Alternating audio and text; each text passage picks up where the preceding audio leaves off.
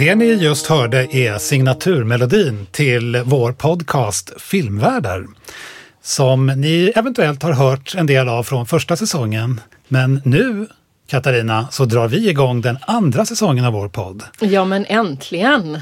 Ja, som vi har väntat. Ja. Och lite försenade har vi också blivit, så vi är otroligt taggade på det här. Mm, det ska bli så kul. Men nu när det är en andra säsong så tänker jag också att eh, det kan ju vara läge att eh, säga lite igen vilka vi är. Ja. Vem är du Katarina? Ja, jag heter ju Katarina Törn och arbetar liksom du på institutionen för kulturvetenskaper vid Göteborgs universitet. Eh, Jag är sociolog och professor i kulturstudier. Och du då Tobias? Ja, precis som du sa så arbetar jag också som du på eh, institutionen för kulturvetenskaper här i Göteborg och jag är professor i musikvetenskap och eh, håller på mycket och forskar om filmmusik och liknande saker. Ja, Men i den här podden så pratar jag om både musik och ljud och, och film och alla möjliga saker, tematiseringar och filmer på härsan och tvärsan tillsammans med dig. ja. Och vi ser ju otroligt mycket fram emot den här andra säsongen som vi ska göra nu. Som inte blir eh, lika många avsnitt som den första, men det kommer att bli sju eller åtta avsnitt i den andra säsongen. ja. och som löper nu under våren då, Exakt. 2022. Precis. Med jäm, jäm, jäm, jämna mellanrum. Ja, med jämna mellanrum. Och vi kanske inte kommer att avslöja precis här i början av första avsnittet vad som kommer. Vi får se om vi säger någonting mot eh, slutet av avsnittet här. Eller, eller Det så får finns bli ju en viss tematik som vi har upptäckt och det kanske vi pratar mer om senare. Men det är ju att de första fyra filmerna antagligen är ganska präglade av att vi liksom många andra har suttit i karantän. Så att vi har helt utan att ha tänkt på det faktiskt valt filmer som utspelar sig väldigt mycket i hus. Precis, säg inte mer nu. Nej. Det här är liksom eh, skapa lite spänning om Ja, det här. ja. Ja, så lyssnaren, ni, lyssnarna, ni får veta tids nog Ja, vad det är. hålla er till tåls. Ja, men idag Ska vi prata om den här filmen?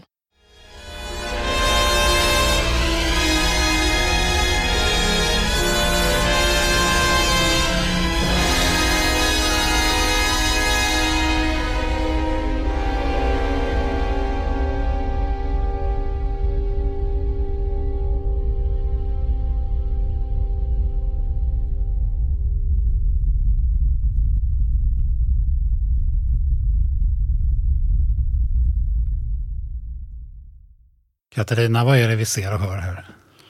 Ja, vi ser ju en mycket stor planet komma mot jorden och eh, bokstavligen faktiskt smula ner vår egen planet till små gruskorn eller sandkorn när de då krockar med varandra. Ja, precis. Och det är ju det här ljudet av den här krocken och upphörande av jorden som vi hör på slutet. Men eh, det är ju också musik vi har inledningsvis, eller hur? Ja, precis. Och inte så okänd heller. Det är ju musik från eh, preludiet, orkesterpreludiet till Richard Wagners eh, Tristan och Isolde som vi hör här. Ja. Och det här är ju Lars von Triers film Melancholia från 2011 som vi ska prata om idag. Så är det. Ja. Eh, Det är en film som, eh, som har gjort väldigt starkt intryck på oss båda två. Eh, Men vad handlar den här filmen om? Melancholia är uppdelad i två delar. I den första gifter sig Justine och hennes bröllopsfest äger rum i syster Claire och hennes mans slottsliknande hus. Festen är överdådig men Justine sjunker allt djupare ner i en depression. När kvällen är över har hennes man lämnat henne och hon har fått sparken från sitt arbete. I filmens andra halva är Justine svårt deprimerad och hennes syster Claire tar hand om henne. Samtidigt närmar sig planeten Melancholia jorden. Enligt vetenskapliga beräkningar ska Melancholia passera men snart står det klart att planeterna kommer att kollidera och allt liv utplånas. Ja, ja det, är, det är en film som är uppdelad i två delar. Mm, det är det. de är ganska olika på ett sätt. De är väldigt olika. Ja. Och ändå hänger de ihop lite förstås eftersom det är en, en film. Jag kanske ska säga väldigt, väldigt snabbt att Lars von Trier faktiskt ofta delar upp sina filmer i kapitel. Ja. Men de här två delarna är, är så pass olika ändå så vi tänkte kanske att avsnittet avspeglar lite hur, hur vi pratar om filmen också. Ja, lite grann. Mm. För den första handlar ju egentligen om, eh, ganska fokuserad på huvudpersonen då, Justin, spelad av Kirsten Dunst. Mm. En fantastisk eh, skådespelarinsats här ja, hon gör eh, som har, det här över, har gift sig och har det här överdådiga bröllopet men bit för bit eh, bara sjunker helt enkelt och blir eh, sen när filmens andra halva börjar så är ju hon eh, alltså, nästan oförmögen att eh, röra sig. Hon ligger i sängen ja, och som, blundar. Man kan säga katatonisk. Om ja. det är liksom, någon gång man kan använda det begreppet så funkar ju det. Hon, hon kan ju ja. faktiskt i princip inte röra sig själv. Nej. Men när filmen börjar så när man ser filmen första gången, åtminstone var det så för mig, i början så kommer ju hon åkande med sin man i en jättelik lång limousin och de kommer inte fram och det, det är som ganska humoristisk början. Mm. Och där i början och ska man säga, första 20 minuterna av filmen så framgår det ju inte att hon är hon lider av den här typen av depression. Nej, det gör det inte. Man märker inte det på henne. Nej, det gör man inte. Och det är ju också en film, jag tänkte på det för nu, vi har ju sett den här filmen, den finns ju på HBO där vi har sett den, eller HBO. Eh, och där är ju handlingsbeskrivningen beskriver ju bara det här att det handlar om ett bröllop, ett överdådigt eh, bröllop. Mm. Och inte att det här ju också är en film som handlar om att jorden går under nej, det, och allt liv utplånas. Nej, och det, att, det, det, det, finns ju ingenting av det första halvan av filmen. Nej. Utan den är ju som du säger fokuserad på Kristin och hennes, hennes relationer och hennes relationer och gradvisa alltså, inramlande i den här depressionen. Ja. Ja. Eller gradvisa inramlande. Vad man förstår under liksom första halvan av filmens gång är att hon, hon har ju såna här eh, depressionsproblematiker sen mm. innan. Mm. Eh, det har hon. Ja, Men de kommer ju i den här gigantiska limousinen som på något sätt också under filmen, och det kan vi komma tillbaka till, men har jag tyckt på, på något sätt representerar Justins egen, för den limousinen kommer ju inte fram alltså på de här små vägarna, den fastnar ju och det är jättesvårt att, att få den att eh, passa in i det här landskapet för den är alldeles för lång helt enkelt och stor och otymplig. Och på något sätt representerar ju det också hur Justins oförmåga att anpassa sig i det här väldigt, väldigt överdådiga eh, lyxfesten får man väl säga på det här slottsliknande hemmet som hennes syster och hennes eh, systerns man då äger. Som mm. ju för övrigt eh, spelades in då på Tjolöholms ja, slott. precis. Det gjorde det. Ja. Så det är ju faktiskt inte bara slottsliknande, det är ju ett slott. ja, det är ju det. Och det är ju enorma salar och, ja. de här, man förstår ju att det här är liksom top notch-rika människor. Ja, att, ja, med eget stall och fantastisk konst på väggarna. 18 håls eh, golfbana. Precis, och till. Eh, gäster då, mängder av personal som passar upp och eh, överdådig mat och eh, ständig tillförsel utav alkohol. Mm. Uh, så att det är ju en dyr fest, vilket också den här uh, maken då till Claire ständigt också betonar.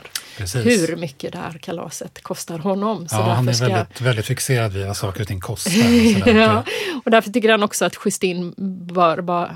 Han frågar ju henne ganska rakt ut att nu får du vara lycklig. Mm. Han tycker att han har köpt henne, hennes mm. lycka och nu behöver hon bevisa det. Ja, precis. Men hon kommer alltså i limousinen, den, fastnar och sen kommer de för sent mm. till sin egen bröllopsfest. Ja. Där, eh, och när de ska gå in då, hon möts ju av systern och systerns mm. man, och som de är ju lite upprörda där. Varför kommer ni? De är typ två timmar försenade. Till ja, eller ännu mer då, tror jag. Ja, eller det har pågått länge där. Och, men eh, ändå går hon inte direkt in då, Justin och hennes man där, utan då ska hon till stallet till hästen och mm. hälsa på den och hon verkar ju glad. Men det, som, mm. det jag har tänkt på också, precis när hon kommer fram, och det här mm. blir ju väldigt signifikant vad som händer senare i filmen, det är att när hon ska gå in så mm. tittar hon upp mot himlen. Ja.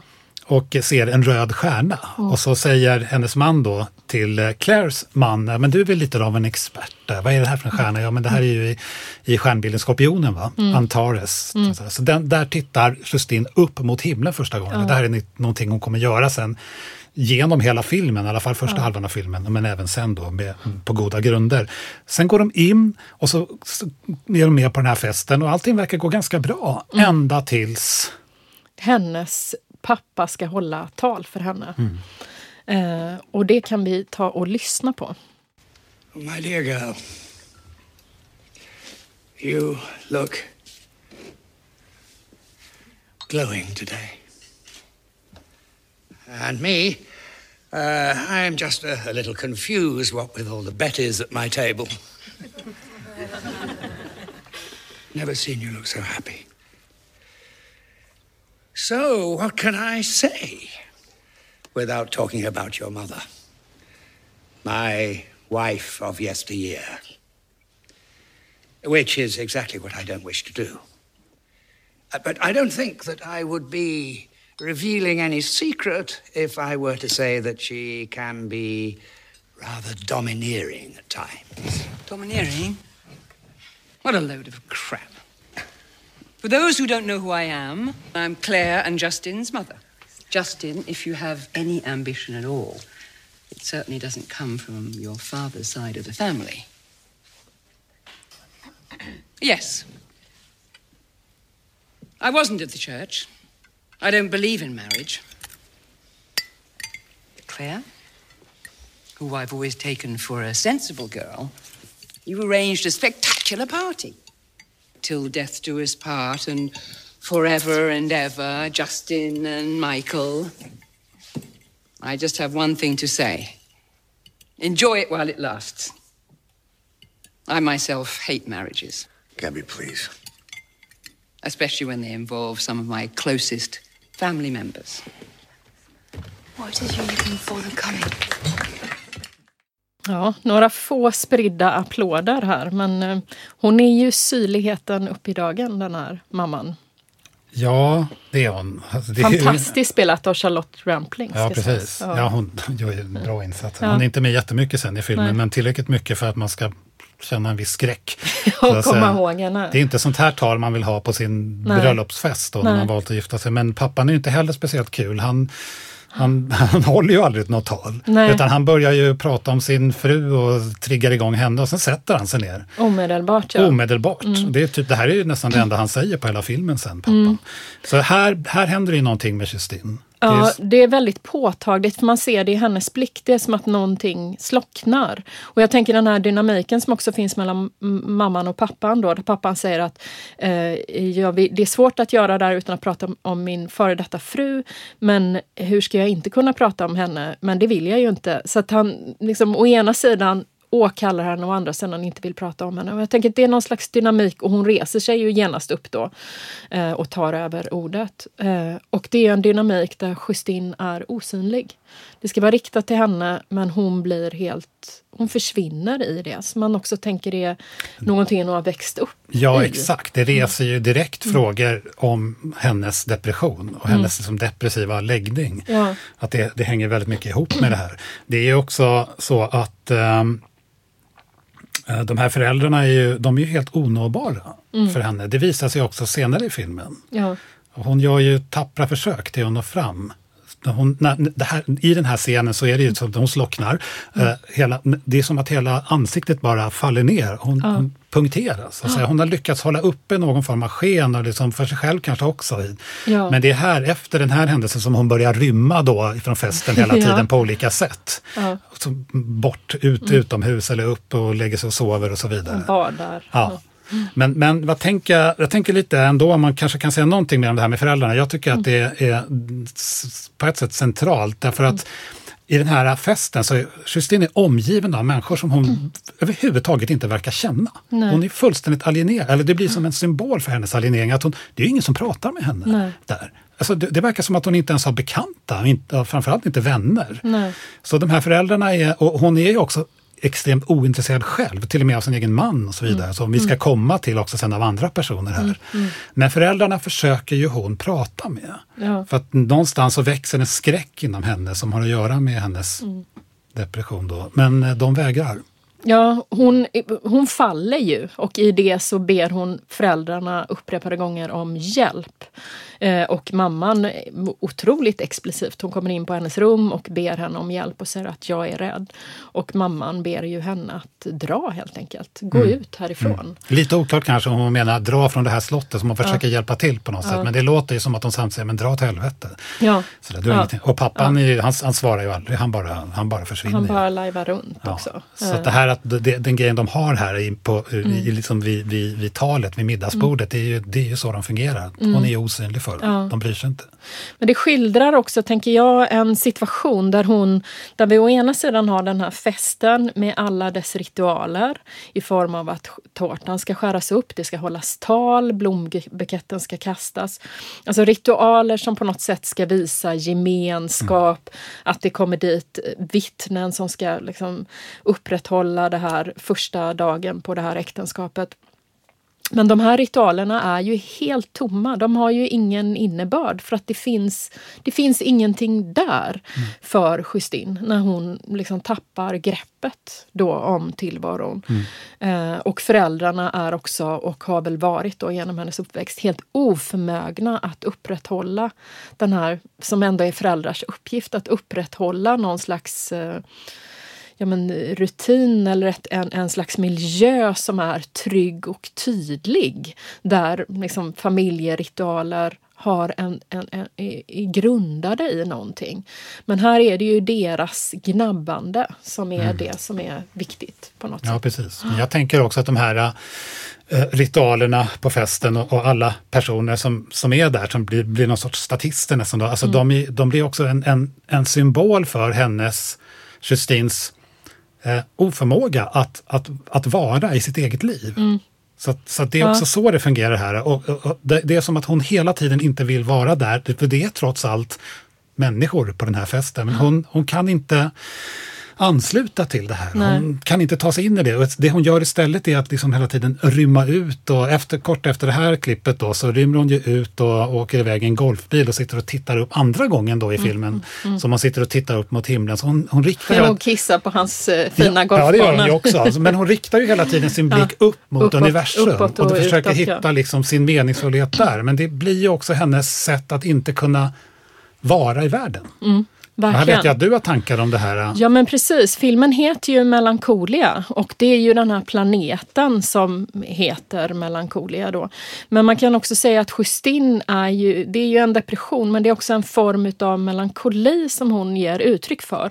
Och i eh, Freuds klassiska, psy- psykoanalytikern Sigmund Freuds klassiska text Sorg och melankoli så gör han just en skillnad då mellan sorg å ena sidan som innebär att eh, en person har förlorat ett slags kärleksobjekt. Då, en älskad, en nära person som har dött eller har lämnat dem. Eh, och det leder till att världen för den här personen som genomgår sorgen upplevs som tom och fattig. Eh, för man har förlorat bindningen till kärleksobjektet. Och ett sorgearbete då enligt Freud består av att släppa den här bindningen och lägga den på någon annan. Så att man så att säga kommer över den här kärleken. I melankolin däremot så är förlusten så att säga undandragen personen. Alltså man vet inte vad det är man har förlorat. Snarare än att man har förlorat ett yttre kärleksobjekt så har man kan man säga förlorat ett sätt att vara i världen. Alltså förlusten är någonting inombords. Det är jaget själv som blir tomt och ensamt. Eh, och det här är mycket svårare att komma åt så att säga eftersom det inte finns Förlusten, som Freud beskriver den då, är ju undandragande medvetna. Så att det är just den här beskrivningen som skildras så himla väl utav Justine i den här filmen. Av att bara falla och inte veta. Det finns inget sätt att återfå stabiliteten i världen. För det, hon, hon är oförmögen att orientera sig, att anpassa sig, att kunna vara kvar i den här världen helt enkelt. Och det skiljer sig, som du säger, på, på, på flera sätt i filmen som, som väldigt, väldigt eh, så att det blir väldigt påtagligt. Och det mm. ena är ju som man var lite inne på när hon försöker och hon går in på sitt mammas, sin mammas rum och hon säger till sin mamma att jag är rädd. Och hon ja. säger det flera gånger, till slut säger hon jag är skräckslagen. Så det är ju den här liksom uh, opåtagliga uh, liksom, melankolin då som, ja. som, är, som, är, som skrämmer henne. Ja. Det, det, är i alla fall en tolkning som är ganska rimlig.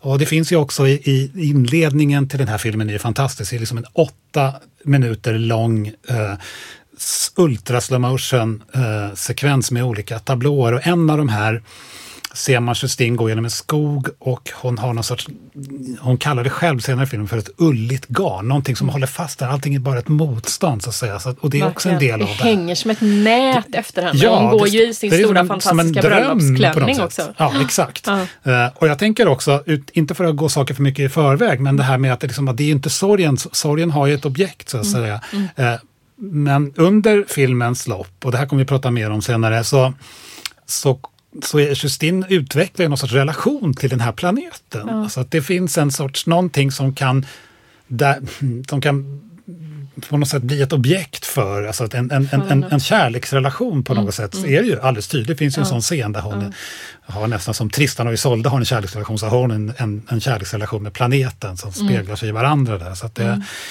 mm. uh, men, men det här är ju någonting, återigen med föräldrarna, det märker man, måste ju ha med dem att göra, ja. tänker man. Fast man får ju inte veta så mycket om det, mer än det man ser att, att de inte de, de svarar inte tillbaka på hennes rop på hjälp. Nej.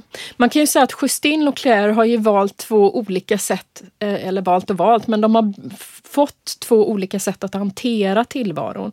Där Justine på ett sätt är oförmögen på många sätt att passa in. Hon eh, liksom är ömsom helt resignerad och passiv och ömsom ganska aggressiv och gör också överträdelser som det här att hon sätter sig och kissar på hans golfbana. Hon mm. hela tiden markerar, alltså hon vill ju inte vara i den här miljön på av många olika skäl.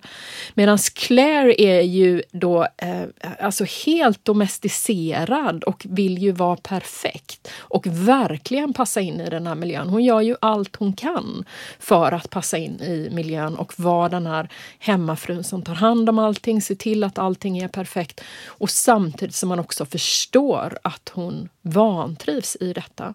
Och hon, till skillnad från Justin så är ju hon rädd för planeten. Alltså hon har ju inte en oklar oro utan hon är ju orolig och jätterädd mm. för att den här planeten mm. närmar sig. Mm. Så de är ju liksom två olika ja, de bilder kommer ju kan man säga. Olika, ja, det är de ju, verkligen. De ja. kommer från två olika håll. För, för Justine så blir det ju på något sätt någonting som är påtagligt och kan hennes skräck eller fruktan, eh, den får ju en fysisk form i form mm. av planeten. Så det blir ja. ju någonting som hon kan, det fyller ju det här tomrummet på något mm. sätt. Dessutom är hon ju så djupt deprimerad så man kan tänka sig att en så deprimerad person har inte så mycket att förlora. Mm. Och vi ska återkomma också till hur Justine ser liksom på på livet på jorden som sådant. Sådär. Mm. Så det, mm. Eh, men det, du var ju inne på en sak här nu med att Justine också har, hon har ju olika reaktioner så att säga, eller hennes melankoli eller depression tar sig olika uttryck. Det kan ju vara att hon blir väldigt apatisk och somnar och så vidare. Men det finns ju de här handlingarna av motstånd också. Mm. Och här kommer ju en ytterligare en karaktär in som mm. vi får först eh, be, stifta bekantskap med i början på festen som spelas av Stellan Skarsgård då, som är hennes mm. chef på den här reklamfirman där hon jobbar. Ja. Och han har ett kort tal mm. eh, som man fattar ju väldigt snabbt, det går ju ut på att eh, att Justin, han är ju där för att han vill att hon ska eh, pressa fram liksom en, en tagline som man säger. Ja. Alltså hon ska jobba. Alltså ja. det, det, det, här att hon ska liksom ha, ha ledigt en kväll, det finns inte i hans värld. Så han sätter ju en, liksom någon sorts medhjälpare, en ung kille på, som ska förfölja Precis. henne som en skugga genom hela kvällen. Precis, det ska för att få vi... fram den här taglinen. Precis, mm. för att han, i hans tal så visar han den här fotografiet inför allihop som ska ha taglinen och säger Justin fundera på detta. Men sen konfronterar han ju henne ganska tidigt då på festen eh, och presenterar den här killen. Och jag tänker att vi ska höra hur det låter. Congratulations. Thank you. Hey, uh, I'm Tim. Hi, Tim. Tim started working for us two days ago. He happens to be my nephew, but ignore that. Tim thought I wouldn't be able to squeeze that tagline out of you tonight. No, I, uh, I thought it might be difficult. Your colleagues. I hired him the moment I heard about his education. Oh, okay. What education is perfect if you want to make it in public relations? Tim? None at all, of course. it was almost too perfect. He knows nothing. I hired him on the spot. And at a very good salary. What do you say, Tim? A, ve- a very good salary. Welcome, then, Tim. It's just a slight catch to the very good job with a very good salary. Salary is very good. Why? What are you pushing Tim into doing? Get that damn tagline out each night. Otherwise, he's out on his ear, which sucks, considering the dance is in. Bye. Ja, han är ju ingen vidare sympatisk person den här. Han är väl han har ju- cynismen per, personifierad. Ja, han, han är ju inte där för att hon ska ha, ha gift sig och liksom vara, vara glad med de andra, utan det handlar ju bara om att, alltså, ja, han har ett instrumentellt syfte så att säga. Det ska, Verkligen, verkligen. Och han lyckas ju också förnedra den här eh, brorssonen. Eh, samtidigt som han säger att han har fått ett nytt jobb och hon gratulerar honom. Så i nästa andetag så förnedrar han ju honom genom att säga att han eh, har absolut ingen utbildning. Han får en jättebra lön eh, och eh, det enda han ska göra är ju att klämma ut henne, den här taglinen. Det här är en av de här rollerna som Stellan Skarsgård är liksom mästare på att spela. Alltså verkligen, verkligen, verkligen osympatisk. Ja, ja. Men det säger ju också någonting om, om hela, hela eh, alltså jag tycker det, han är ju en representant för vårat m- moderna samhälle på många sätt. Där, där vi aldrig får vila, där vi aldrig Nej. får eh, låta bli att arbeta utan där det hela tiden ska pressas till att producera. ja, det är som tagline-samhället. Ja, och, och- den här Stellan Skarsgård-figuren, ja det är tagline-samhället. Han har ju ingen, ja det är ju egentligen ingen, det här är ju ganska tragiskt, förutom Claire och hennes syster så är det egentligen ingen som ser att hon är så deprimerad som hon är. Och Claire ser det, men hon säger ju hela tiden till eh, Justine att nu får du skärpa till det, nu får det inte bli så här igen. Ställ liksom, inte till en scen. Ställ inte till en scen, Ja. liksom, som, alltså, den enda som ser det. Men den här, eh, vad han nu heter, här, eh, Stellan Skarsgård-figuren, han är ju han är ju helt blind för det här. Utan det handlar ju bara, hon är ju bara någon sorts mjölkko som ska pressas ur. Så det är så otroligt Den obehagligt. sista droppen ska liksom pressas Ja, ja. ur henne där han behöver få den här taglinen. Mm. Så att han kan låta henne åka på smekmånad sedan. Eh, och han har ju också lovat henne en, han har ju upphöjt henne till art director. Så han har ju gett henne ett bättre jobb hon ska få när hon kommer tillbaka. Men det är ju bara ett sätt att markera att gör dig nu förtjänt utav den här nya. Och på ett sätt så tycker jag att det här, det här blir sån tydlig parallellitet till det med föräldrarna. Därför att på något sätt så vis är ju föräldrarna den här privata kontexten då, där det inte finns någonting som är omhändertagande, ritualerna helt tomma. Det, det, det är ingenting som bär och håller om eh, det här barnet Justin har varit och fortfarande på ett sätt är. Men även i samhället så är, finns det inte heller någonting som håller om, som tar om hand, eh, utan det handlar bara om exploatering till sista droppen och att den här upplösningen då mellan arbete och fritid, hon är inte ledig, inte Nej, ens på, sitt, eh, på sin egen bröllopsfest. Här är ytterligare en möjlig förklaring till att hon är deprimerad. För han säger ju också, då chefen där, att eh, till, till, till den här medhjälparen då, som han sen också avskedar igen. För han lyckas ju inte få ur henne taglinen. Men då säger han ju att ja, men om du lyckas, så, så, när man har fått henne att börja jobba så slutar hon aldrig. Så här, det här är ju också en möjlig, möjlig orsak till att hon, hon är kanske helt enkelt utbränd. Ja. Hon har liksom jobbat ner sig så fullständigt så hon har gått ner. Och så, jag menar, det är flera faktorer då. Det här med föräldrarna är en sak, men man får, det, det droppas så att säga, lite olika förklaringar till varför hon har hamnat där hon är. Eh, och han är ju en av dem kanske som puttar henne lite över, över gränsen också. Ja, det är ju föräldrarna och han. Ja. Och jag tänker att de är just represen- representanter då. Jag, jag tycker att Lars von Trier faktiskt gör en väldigt väldigt eh, så, så, kall analys av vår samtid här. Eh, och visar på det här att det finns ingenstans, det finns ingen, ingen riktig medmänsklighet som, och kärlek. Men, men det finns en skillnad mellan föräldrarna och den här chefen och det är Justins sätt att närma sig. För att Ja. vi har redan varit inne på det. Hon försöker, både med sin, först med sin mamma och sen med sin pappa. Alltså det är flera gånger hon säger till sin pappa, jag måste prata med dig, hon säger det till sin mamma. Så där, det är kanske de enda två personer hon försöker närma sig under hela filmen och de svarar inte tillbaka. Nej. Så de överger ju henne där. Ja. Men hennes reaktion mot chefen, det handlar ju inte om, det är nu en helt annan, Helt annan, senare scen då i filmen. Så tar han tag i henne då senare på natten. Kom här och ät lite Mm. löksoppa, liksom som man gör senare på natten. Och i princip tvingar henne fram till där och berättar ju också att han har Ja, då gett har den han här killen avskedat sparken. den här killen då. Och så, så säger Justin att ja, men nu har jag faktiskt kommit upp med en tagline och den handlar ju bara, då, då, då kan man ju säga att hon förolämpar honom det grövsta och säger att jag, har- jag hatar dig och din film. Liksom. Så går hon bara därifrån. Taglinen är ju nothing. Ja, den är nothing och han är nothing. Ja. We, why, we can make a tagline out of you. Ja, Så, att säga. Ja. Eh, så han får ju verkligen, och det här, är ju ett, det här är ju en form av reaktion som också kan komma upp kanske i den här depressionen, att man inte bryr sig längre. Men det gör verkligen- hon ju inte. Hon når ju en punkt där eh, hon först sjunker och är ömsom resignerad och ömsom försöker nå personer och sen agerar ut ganska aggressivt på olika sätt. Och han, hon får ju sparken där på platsen då från och hennes man kommer ju också att lämna henne innan kvällen är slut. Så att hon, hon blir liksom av med ja, allting på den här bröllopsnatten. Allt, allt går, går förlorat men det som ju redan är förlorat är på ett sätt för precis. henne är ju hennes sätt att faktiskt vara i Ja, den världen. allting är ju på ett sätt redan förlorat Ja. innan. Ja. Ingenting av det där har hon. hon hade det varit fint om hon hade haft sina föräldrar lite grann. Hon har ju någonstans inte gett upp omkring dem då. Men Nej. allting är ju förlorat. Ja.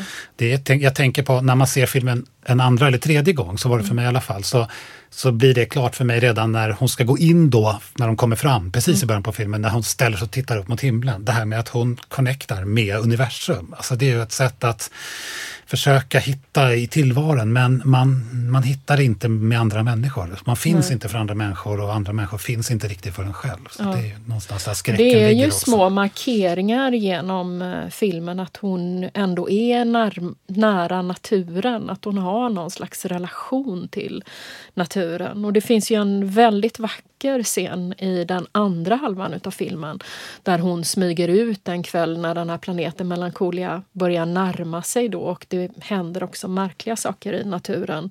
Det börjar snöa på en solig sommardag och eh, det är ett alldeles här blått ljus då om natten och hon smyger ut och hennes syster följer efter henne eh, och det visar sig att hon lägger sig då på en Precis, grön var- kudde Ja, alldeles naken. Och så s- solar sig i sken och tittar upp. Mot- Det var den, den, den scenen som jag pratade lite om innan, där hon har någon sorts kärleksrelation med, Ja. med... Så det är nästan så nära en symbol mellan Tristan och Isolde så att man kan komma i filmen. Ja, och det är mellan- också som att hon blir laddad. För att hon, blir ju, hon går ju från den här väldigt djupa depressionen där hon som du sa är i princip katatonisk och förmår inte ens liksom kliva i ett badkar och bara ligger i sängen till att eh, ligga i det här skenet utav planeten och faktiskt ja, men, bli bättre i sitt mående, återfå någon slags kraft. Så det är ju som hon har en väldigt speciell relation där helt enkelt. Men då tänker jag därmed att vi kanske har kommit fram till andra halvan av filmen och andra halvan av vårt avsnitt Mm. som, som kretsar väldigt mycket kring planeten Melancholia. Ja, andra halvan utav filmen utspelar sig ju vad man kan tänka är någon månad kanske efter den här bröllopsfesten. Justine kommer tillbaka till det här slottet och är djupt deprimerad och Claire tar hand om henne. Så i de, ja, de första dagarna så är det ju mycket det, det alltså att hennes svårighet att komma ur sängen och sådär. Men det det också och framför allt kommer att handla om är ju den här planeten då som närmar sig och Claire som då hela tiden går ut på nätet och är orolig eh, för att de här beräkningarna som vetenskapen har gjort inte, alltså att det finns alternativa resonemang där man misstänker att den här planeten faktiskt kommer krocka Med med, jorden. jorden. Och hennes man säger du måste lyssna på vetenskapen och han ser det ju mer som ett festligt tillfälle att ta fram sin gigantiska stjärnkikare Mm. och eh, skåla i champagne på terrassen då över den här planeten. Mm. Men Claire är väldigt, väldigt orolig. Med rätta. För det Ja. som visar sig är att hon, hon har ju rätt, vetenskapen har fel. Mm. Och eh, de krockar ju med varandra. Det här eh, får man ju reda på redan i inledningen Ja. egentligen, när, när man ser en av de här sekvenserna i början då. Som vi hade ett Krockar ju- litet ja, klipp. Precis, där krockar ju, krockar ju planeterna. Det, så det blir, en, det blir slut på jorden där så att säga i slutet på filmen. Det blir slut på lite mer än jorden, det blir slut på livet som sådant, men det kan vi också återkomma till här. Eh, Det som också man märker i andra halvan av filmen är ju att samtidigt som planeten Melancholia närmar sig jorden, ju närmare den kommer, eh, om man ska överdriva lite grann så kan man säga att desto bättre mår Justine. Så Ja. det är någonting som gör att hon tillfrisknar från sin depression. Hon blir starkare och hon, eh, mot slutet av filmen så kommer hon ju också kunna till och med ta hand om Claires barn, vilket vi också ska återkomma till, och hantera situationen. Medan Claire då, som har varit den som under första halvan av filmen har hela tiden sett till att Justine fungerar på den här festen och, och det tycks vara en välfungerande, får ju svårare och svårare och, och, och tapp, Hantera. hon, ja, hantera situationen, hon tappar ju greppet mer och mer. Och hon är ju så otroligt investerad i det här livet, liksom i de här små detaljerna, att skapa den här perfektionen med middagarna och när hon bäddar för Justine, när Justine ska komma och är djupt deprimerad så lägger hon en liten chokladbit på hennes kudde som om det vore ett hotell, vilket ju Justine överhuvudtaget inte ser för hon är ju bortom allting.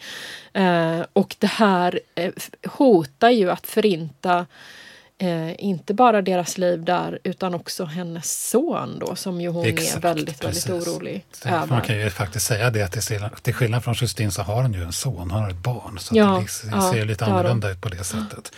Men sen är det ju också så att eh, deras reaktion, när det står som klart som ett faktum att eh, planeten kommer att förgöra, det kommer att vara en Mm. frontalkrock mellan jorden och Melancholia.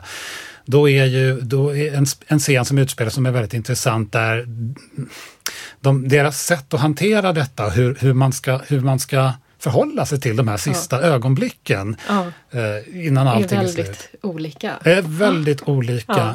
Och Och, s- kan jag också säga att till Claires fördel, för hon kommer ju kanske inte så bra ut ur det här klippet men, men, som vi ska lyssna på. Men till henne, man får ju säga att hennes man har ju, hon har ju precis också fått veta att hennes man har tagit alla de här sömntabletterna precis. som hon hade plockat ut från apoteket. han som har varit så optimistisk över hela filmen och liksom eh, tryggt sagt att det här kommer gå bra. Ja, Han tar livet av sig. ja, när han blir konfronterad med detta så eh, gör han en enkel lösning för sig själv. Så hon, Mm. hon är också lite chockad över liksom, både det faktum att planeten kommer krocka med jorden men också att hennes man är Mm. död. Men ska vi höra det här klippet Ja. och, se, se eh, och höra hur, framförallt höra hur, eh, hur de samtalar om hur de, ska, hur de ska ha det så att säga de sista minuterna innan allt tar slut. I want us to be together when it happens. Maybe, um, outside on the terrace.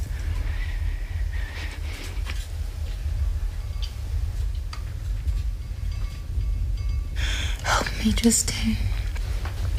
I want to do this the right way. You better do it quickly. A glass of wine together, maybe. You want me to have a glass of wine on your terrace? Yes. Will, will you do it, sis? How about a song? Beethoven's Ninth. Something like that. Maybe we could light some candles. You want us to gather on your terrace to sing a song, have a glass of wine. The three of us. Yes. That would make me happy.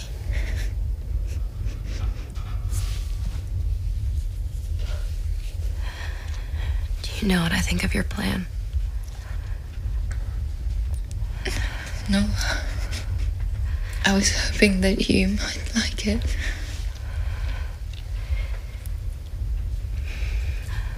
I think it's a piece of shit. Justine, please. I, I just wanted to be nice. Nice. Why don't we meet on the fucking toilet? Mm, de har olika inställning till det här, helt klart. Verkligen. Det är som att det finns på ett sätt någonting av en realitet i Justins svar på Claires lite förgyllande föreställning om hur de sista ögonblicken ska se ut. Ja men verkligen och som ju också är någon slags borgerlig fantasi att de ska sitta på den här storslagna terrassen och dricka vin då och eh, eh liksom upphöja det här tillfället med ännu en sån här tom ritual som vi ju har förstått från filmens första halva är det som Justin absolut inte vill ha mer, inte står ut med Nej. mer överhuvudtaget. Så att hon är ju hon är ganska grym mot sin syster här egentligen. Men här tänker med- jag att Justine också pratar delvis ur sin depression där eh, det mänskliga så att säga, meningsskapandet Mm. är meningslöst. Och framförallt i en sån här situation när allting ändå tar slut. Mm.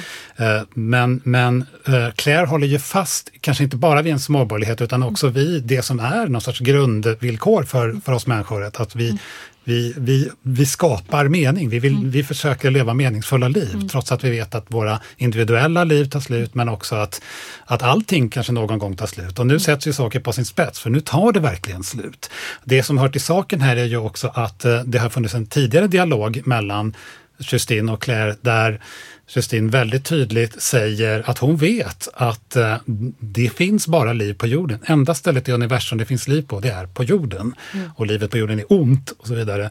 Eh, så hela det här eh, sätt he- Hela Claires inställning är för henne bara som piece of shit, som man säger. Men sen tycker jag att det finns en annan. Det är ju intressant att hon nämner Beethovens nia här. Och eh, Beethovens nia och sång. Det för ju direkt tankarna till den här sista satsen i Beethovens nionde symfoni som man på svenska brukar kalla det för Ode till glädjen. Den har dykt upp i tidigare avsnitt här, nämligen i Stalker, Tarkovskijs Stalker när vi pratar om det, där han också har den här musiken med då. Men här nämns den.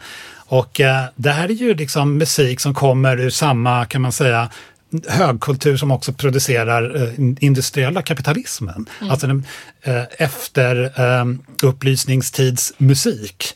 Eh, som, som hon vänder sig så starkt emot och därmed tror jag faktiskt, alltså hon pratar kanske, man skulle kunna tänka sig lite med Lars von Triers mun och det finns samma typ av kritik finns faktiskt hos Tarkovsky också som Lars von Trier beundrar så mycket. Eh, och jag tänker också på en tidigare scen som hänger ihop med den här scenen när Justine, alltså i första halvan av filmen, är inne i ett rum där, där det är eh, uppställt massa abstrakt eh, 2000-talskonst, Malevich eller vad det nu är. Och hon byter ut den mot eh, mot konst som är så att säga för eh, upplysningskonst. Så, Caravaggio och eh, Bruegel. Bruegel, ja, precis. Eh, Så här finns också en kritik liksom inbäddad i bara att man nämner Beethovens nia, säga, som, går, som är en civilisationskritik, skulle jag säga. Ja, och jag tänker att det är ju det som hänger ihop med det eh, som du sa, alltså hennes avvisande utav Claire här. För att på å ena sidan har du ju helt rätt i att Claire försöker ju desperat hitta något sätt att skapa gemenskap och hon tar till det hon vet. Vi sitter på terrass- terrassen och dricker vin. Medan Justin, är ju, för henne är ju detta bara eh, liksom det ultimata, tomma, jaha, vi ska också lyssna på Beethovens nya, vi ska liksom låtsas vara civiliserade och också när hon ställer den här frågan, så du vill att vi tre ska sitta och dricka vin på terrassen, så inkluderar hon ju då också Claires lille son Leo som ju definitivt inte skulle uppskatta att sitta på en terrass och dricka vin som ju han är alldeles för ung. Det är liksom inte någonting som fungerar för honom. Så att det finns ju hos Justine här eh, och von Trier då som, som liksom en, en skarp kritik och där ju han, jag tänker att Melancholia, nu har ju inte vi riktigt lyft fram det på det sättet, men Melancholia är ju likt Pans labyrint faktiskt full av referenser. Alltså det finns hur mycket som helst till konst och till använda andra filmer, till litteratur. Eh, Så att mm, alltså, man kan ju verkligen fördjupa sin förståelse också av filmen genom att ge sig i kast med hur han Oh ja. kopplar över till Tarkovsky, hur Ja. han kopplar till Brygels jägare i snö eller att Justin heter Justin. Mm. Eh, alltså det finns en mängd sådana referenser som också pekar bakåt Mm. till alltså tiden innan den industriella moderna samhället som vi Mm. lever i. Som är det här tomma, förljugna, eh, eh, som bara handlar om pengar och inte medmänsklighet överhuvudtaget. Det, här med referenser blir då också intressant för att det- dels så finns det en massa referenser till Tarkovsky, de hinner vi kanske inte gå in på nu. Eh, Men det finns också en typ av referens som, eh, jag vet inte ens om man ska kalla en referens, men en koppling till en europeisk konstfilmstradition. Eh, Och det har att göra med musiken. Som jag tänkte vi kanske kunde komma in lite på nu. Ja. Eh, För musiken är, och det har vi sagt väldigt lite om, den är ju otroligt närvarande i den här filmen. Och den bakgrundsmusik som finns till den här filmen, det är bara Wagners Tristan och Isolde. Och eh, då är det i stort sett, med något undantag, så är det eh, orkesterprelud, musik från själva preludiet, orkesterpreludiet i Tristan och Isolde. Eh, och den musik, Wagners musik kommer tillbaka i den här filmen eh, 12 gånger. Och det här är en sorts konstfilmstradition som man faktiskt eh, också knyter tillbaka till, där man låter klassisk musik återkomma. Det gör Ingmar Bergman, det gör Tarkovsky, det gör eh, sådana här regissörer som Pier Paolo Pasolini och det finns många, många fler. Eh, så någonting är det som han lutar sig mot här. Men eh, Wagners musik är, är ju intressant. Eh, för att varför har, man, varför har man musik som är komponerad av en, ja, men en operakompositör, vi kan kalla det, från 1800-talet och ingenting annat Ja, i en film som den här? den präglar ju verkligen filmen också. N- När man som vi också ser den flera gånger. Eh, och jag har gått och lyssnat på det här preludiet i mina hörlurar eh, och hamnar ju omedelbart i filmens känsla, i den här dystopiska känslan av att det är de sista timmarna på jorden och så. Så den präglar ju eh, filmen. Den blir väldigt nära sammanbunden med filmen på många sätt. Ja, det tycker jag. Jag tycker också att den är väldigt, alltså, och det, det ändrar sig lite under filmens gång, jag tycker den, den är väldigt nära kopplad till Justin. Och hennes tittande upp mot himlen och sådär. Men, men inte bara det, men det är väldigt, väldigt mycket som när hon Eh, är i närbilden, när det händer någonting med henne så kommer musiken. Sen i andra halvan av filmen så luckras det där upp lite grann. Då, då kan det flyttas till till exempel en scen med Claire och hennes son så får man ju se, höra Wagners musik och sådär. Eh, och Melancholia förstås är ju väldigt nära kopplad till, till Wagners musik också. Så att, eh, men, men vi kan väl lyssna lite? Ja, jag tänker det. Vi ska höra lite, för det som man mest hörde från Wagners musik i filmen, det är ju själva inledningen till det här orkesterpreludiet då, till Tristan och Isolde. Tristan och Isolde som för övrigt hade premiär då 1865. Han höll ju på i ganska många år med den här eh, operan, eller musikdramat som man också kallar det, innan den blev färdig då. Eh, Men själva inledningen till preludiet är någonting som, som ska jag säga, de här 12 gångerna så är det 8-9 gånger som det är det vi hör. Så låt oss höra en bit på det.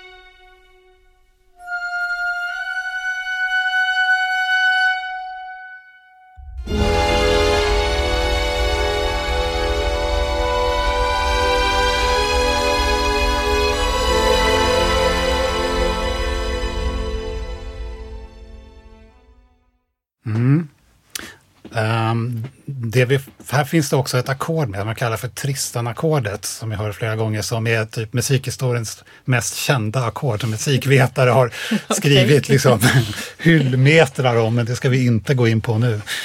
Eh, jag är för övrigt inte någon expert på heller. Men det är, det, är, det är ett fenomen det här med att man använder, det är inte bara i, det, är, det finns ju också i mainstreamfilm, att man använder då musik som inte är specialkomponerad för filmen. Mm. Och det kan man ju höra ganska ofta, men det är sällan det sker så här tätt.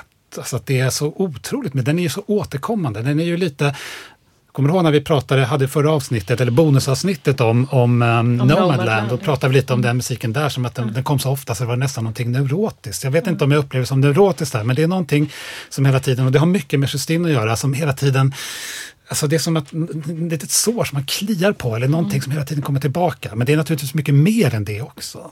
Det finns ju någon stark, eh, upplever jag när jag lyssnar på detta, någon stark längtan i musiken men också något som är oförlöst. Det är som att man liksom... Det precis det det handlar om. kommer liksom inte... Exakt. Ja. Alltså den här musiken den går som hand i handske med den här filmen mm. och jag har uh, försökt hitta lite, för jag har mina tankar om den här musiken. Jag tycker den passar väldigt bra i den här filmen.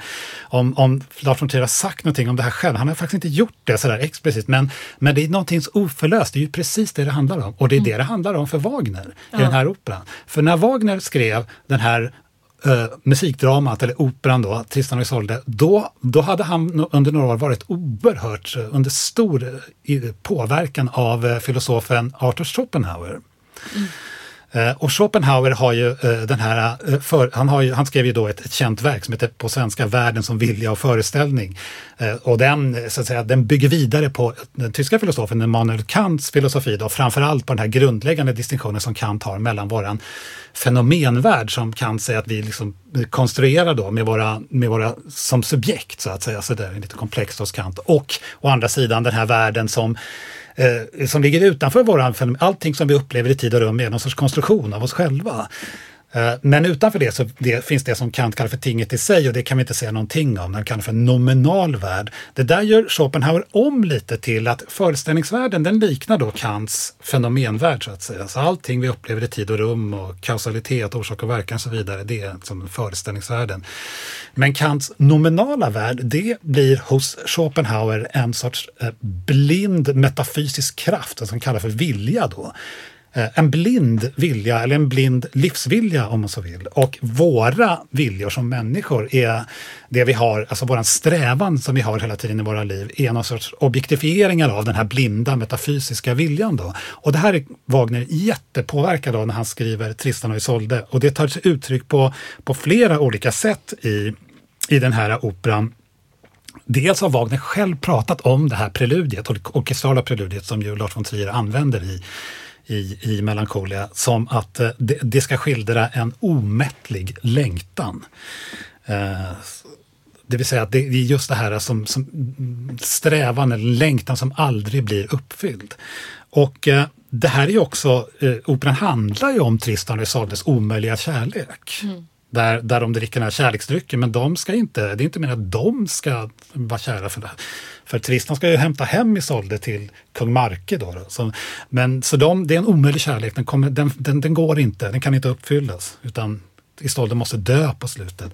Men framförallt är musiken i Tristan och Isolde konstruerad medvetet av Wagner på ett sådant sätt att eh, den hela tiden strävar efter en sorts melodisk, om man ska uttrycka sig på liksom vardagsnivå, men man kan också säga det på så här musikvetenskaplig nivå, alltså en tonalt avslut, så att säga, att alltså en, en sorts tonal hemkomst, att man kommer fram till någon sorts slutackord där man får vila. Mm. Och, om man överdriver lite så kan man säga att eh, Tristan och Isolde är fyra och en halv timmar av att hela tiden komma fram. Men Wagner skjuter upp och skjuter upp och skjuter upp och det är på slutet när Isolde dör, ja då kan man liksom komma fram, då blir allting så att säga, kan all musiken vila. Snacka Men det här, om att hållas på halster. Ja, hålls på halster, ja. verkligen. Men det här är ju som en representation då av Schopenhauers vilja. Och då är det så intressant att Schopenhauer själv säger att musiken är det som ligger i det närmaste avbildning eller till och med en objektifiering av den här viljan som man kan komma. Så eh, Wagner försöker ju som omsätta det här då i sitt verk genom också hur musiken görs. Och då kommer man över till, till Melancholia. Eh, för att om man har det här i åtanke så, så kan man höra Wagners musik som någonting som dels handlar om Justin och hennes omöjliga längtan och försök att ta sig tillbaka in i livet på något sätt. Om inte en blind livsvilja så en väldigt, väldigt stark livsvilja. Och som också är, men lite omöjlig för att hon är så fångad i sin melankoli och depression. Men på ett bredare plan i filmen så kan jag höra Wagners musik som just eh, en form av den, den, den här mera generella, ska jag säga, eller liksom eh, Schopenhauers metafysiska vilja, eller bara viljan som sådan, livsviljan, den blinda livsviljan, viljan att leva. Eh, och för Schopenhauer är också det här någonting ont i grunden. För att det som händer är att den här livsviljan är blind och den delar upp sig så att säga, på olika objektifieringar som trampar på varandra. Mm. Och när Justine säger till Claire att livet på jorden är ont, då är det som att hon uttrycker Schopenhauers ord. Men den här, den, det går inte att göra någonting åt den här viljan, livsviljan. Den bara finns där och fortsätter att finnas där. Och musiken är ju som filmens inre liv här. Den kommer ju tillbaka här. Jag tror att nästan en tredjedel av filmen, inte riktigt, men en fjärdedel i alla fall av filmen, så är det Wagners musik. Så den genomsyras och drivs fram av liksom den här livsviljan. Och för mig blir det intressant då med själva slutet på den här filmen. Mm. För det man ser då, och det här ska vi komma tillbaka till. Ja, vill du avbryta mig? Ja, jag tänkte bara du höra om vi ska lyssna på klippet. Ah, ska vi göra det? Vi lyssnar på klippet och så hör vi vad som händer och så pratar vi om klippet efteråt. Ja, så mm. pratar vi om slutet. För det är ju både, vi får ju också prata lite grann, eh, eller göra helt, vi har ju två olika sätt att se på slutet också som vi mm. kan eh, fördjupa. Eh, och inledningsvis när det här avsnittet började så eh, fick ni ju lyssna på slutet. Men det var inte slutet utav filmen då. Nej. Utan det var slutet i preludiet där man får mm. eh, en föraning vad som komma skall. Medan slutet på filmen, eh, då får vi ju se eh, Justine, Claire och systersonen Leo då mm. sitta Eh, och planeten kommer och krossar jorden. Vi får se jorden gå under och livet som sådant i universum ja. utplånas. Ja.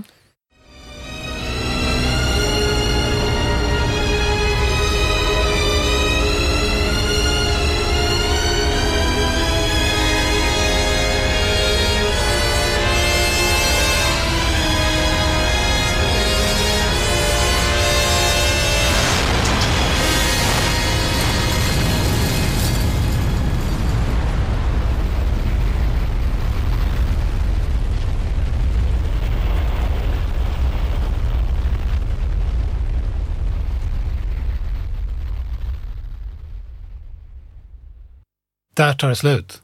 Ja. Ska jag avsluta min reflektion här? Ja, ja, gör det. För att det här med musiken, och det, det som blir som en sorts bekräftelse för mig, att jag kan höra den här musiken som ett uttryck för den här schopenhauerianska, jag kan höra på flera nivåer, dels Anders stil, men också den här liksom viljan till liv, så att säga. Eh, den utplå här utplånas livet inte bara på jorden, utan Justine, hon vet ju saker hon, det framgår ju tydligt, det säger hon själv, I know things och hon kan en massa saker som man inte borde veta. Och hon säger att det enda livet, livet finns bara på jorden, så här utplånas livet även som sådant i universum överhuvudtaget.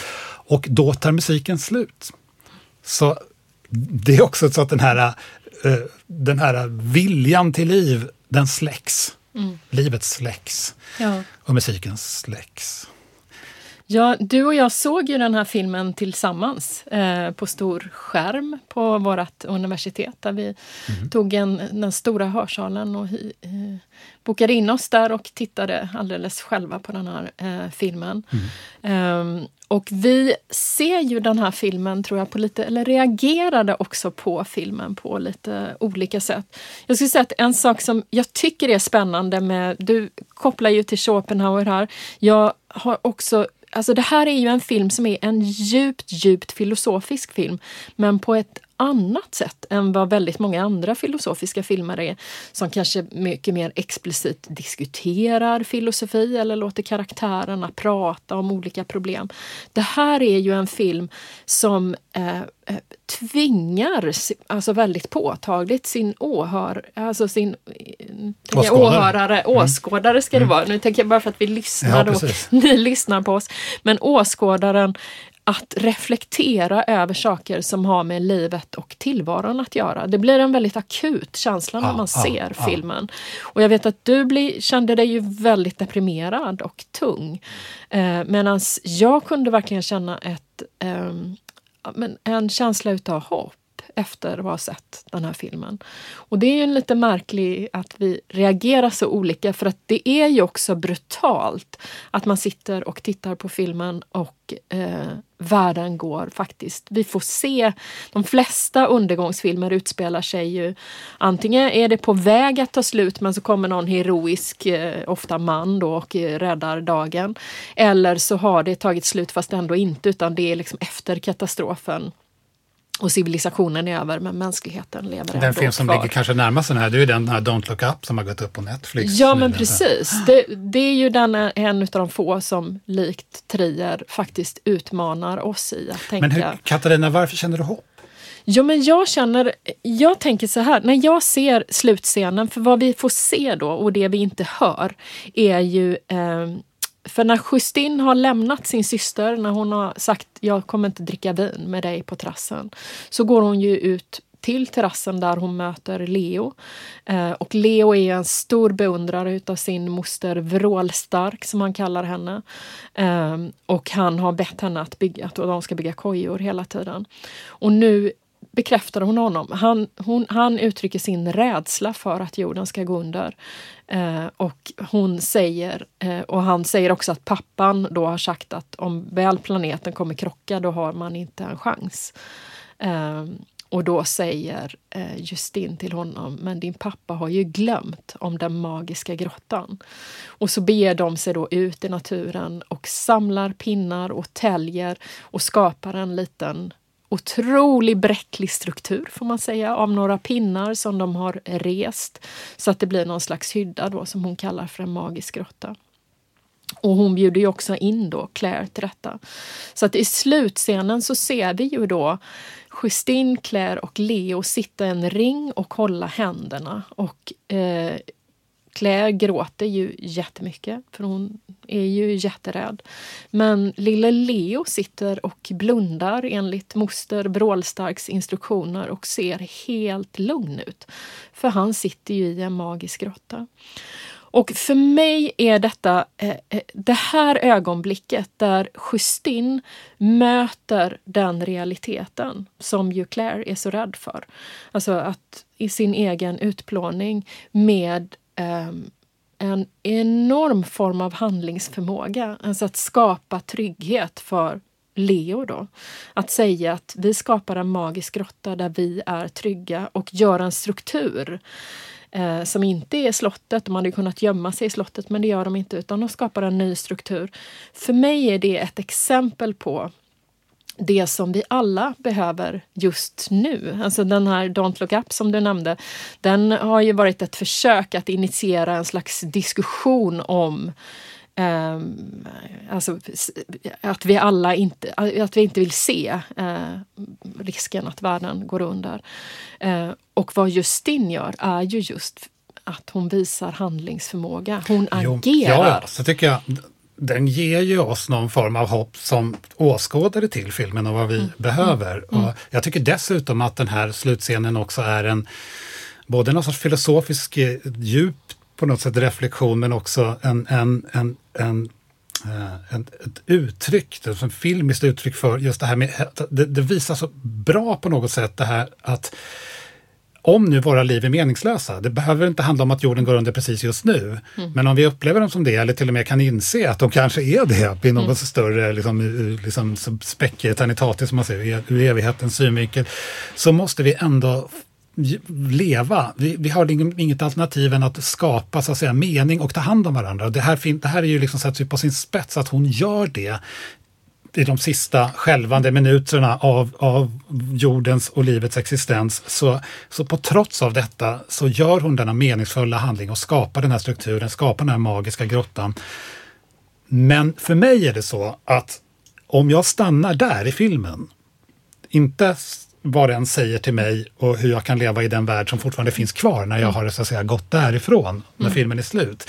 Men om jag stannar där i filmen så finns det, så finns det en, en, en, en, en känsla, trots min långa utläggning om Kant och Schopenhauer allihopa, så är det här väldigt liksom emotionellt grundläggande laddad film för mig. Liksom, den är laddad med en sorts tung känsla av att och insikt av att jag är där tillsammans med karaktärerna när livet i universum tar slut.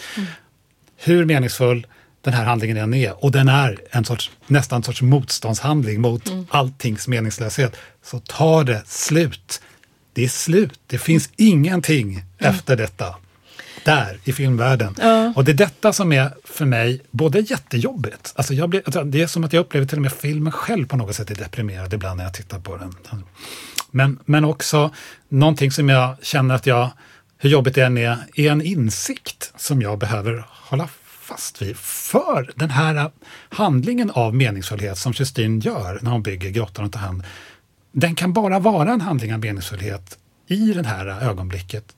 Just, eller den blir desto mer meningsfull därför att allting faktiskt verkligen tar slut sen. Men den är samtidigt, paradoxalt kanske, är den också helt meningslös. För sen är det slut. Det gör detsamma.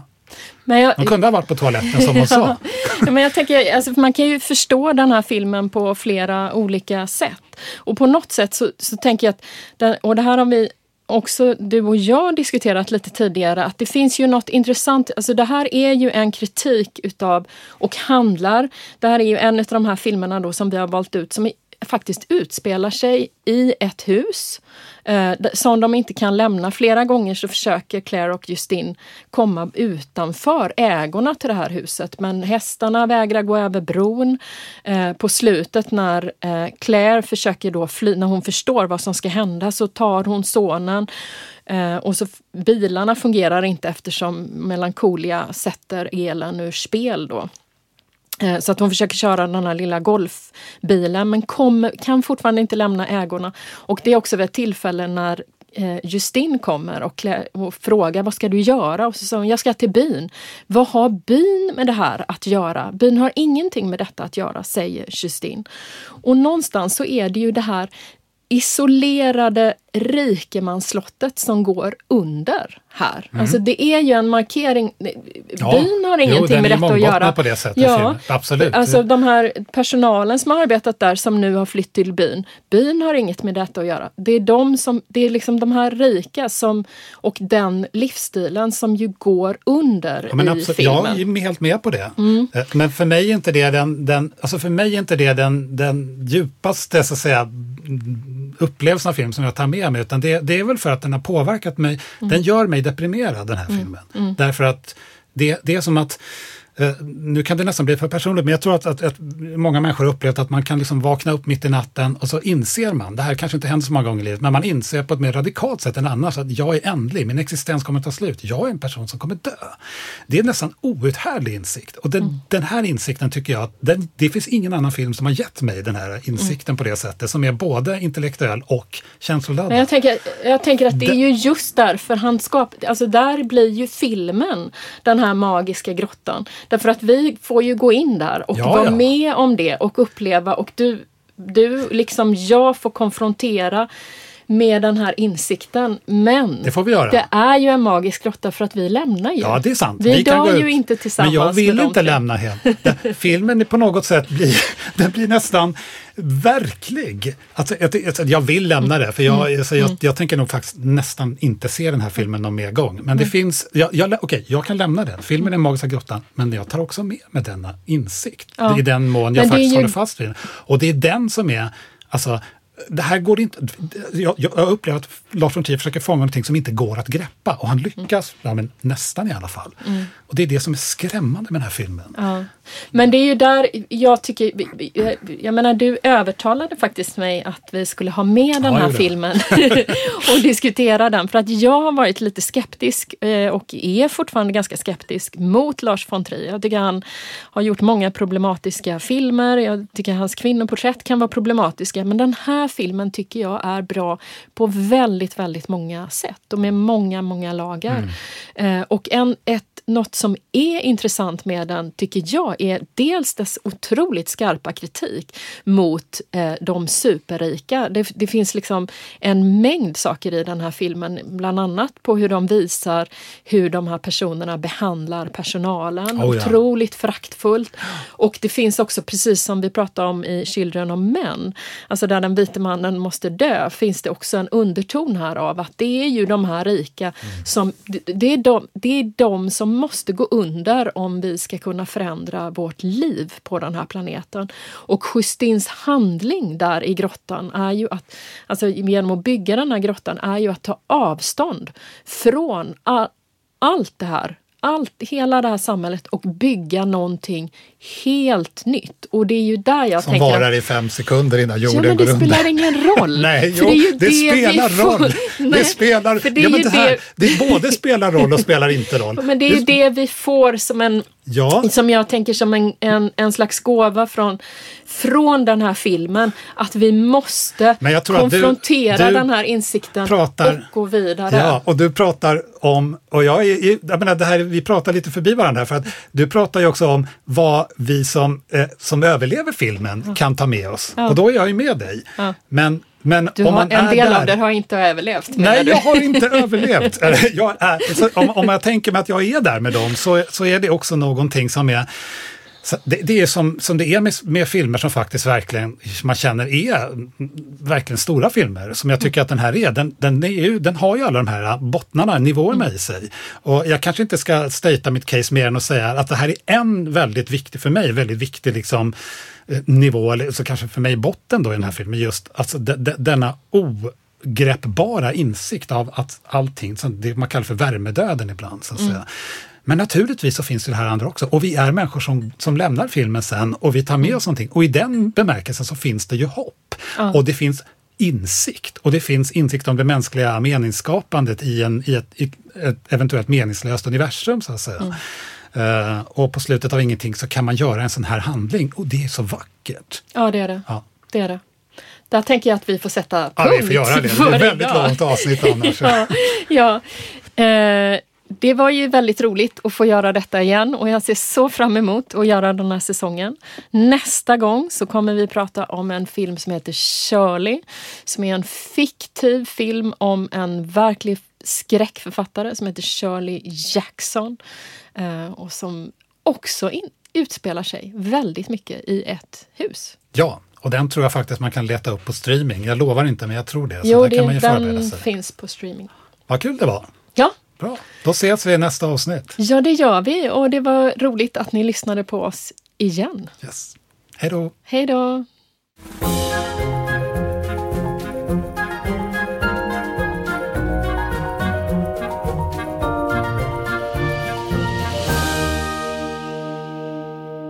Den här podden produceras av Medieteknik vid Göteborgs universitet med bidrag ur stiftelsen Gustav Adolf Bratts föreläsningsfond och Institutionen för kulturvetenskaper.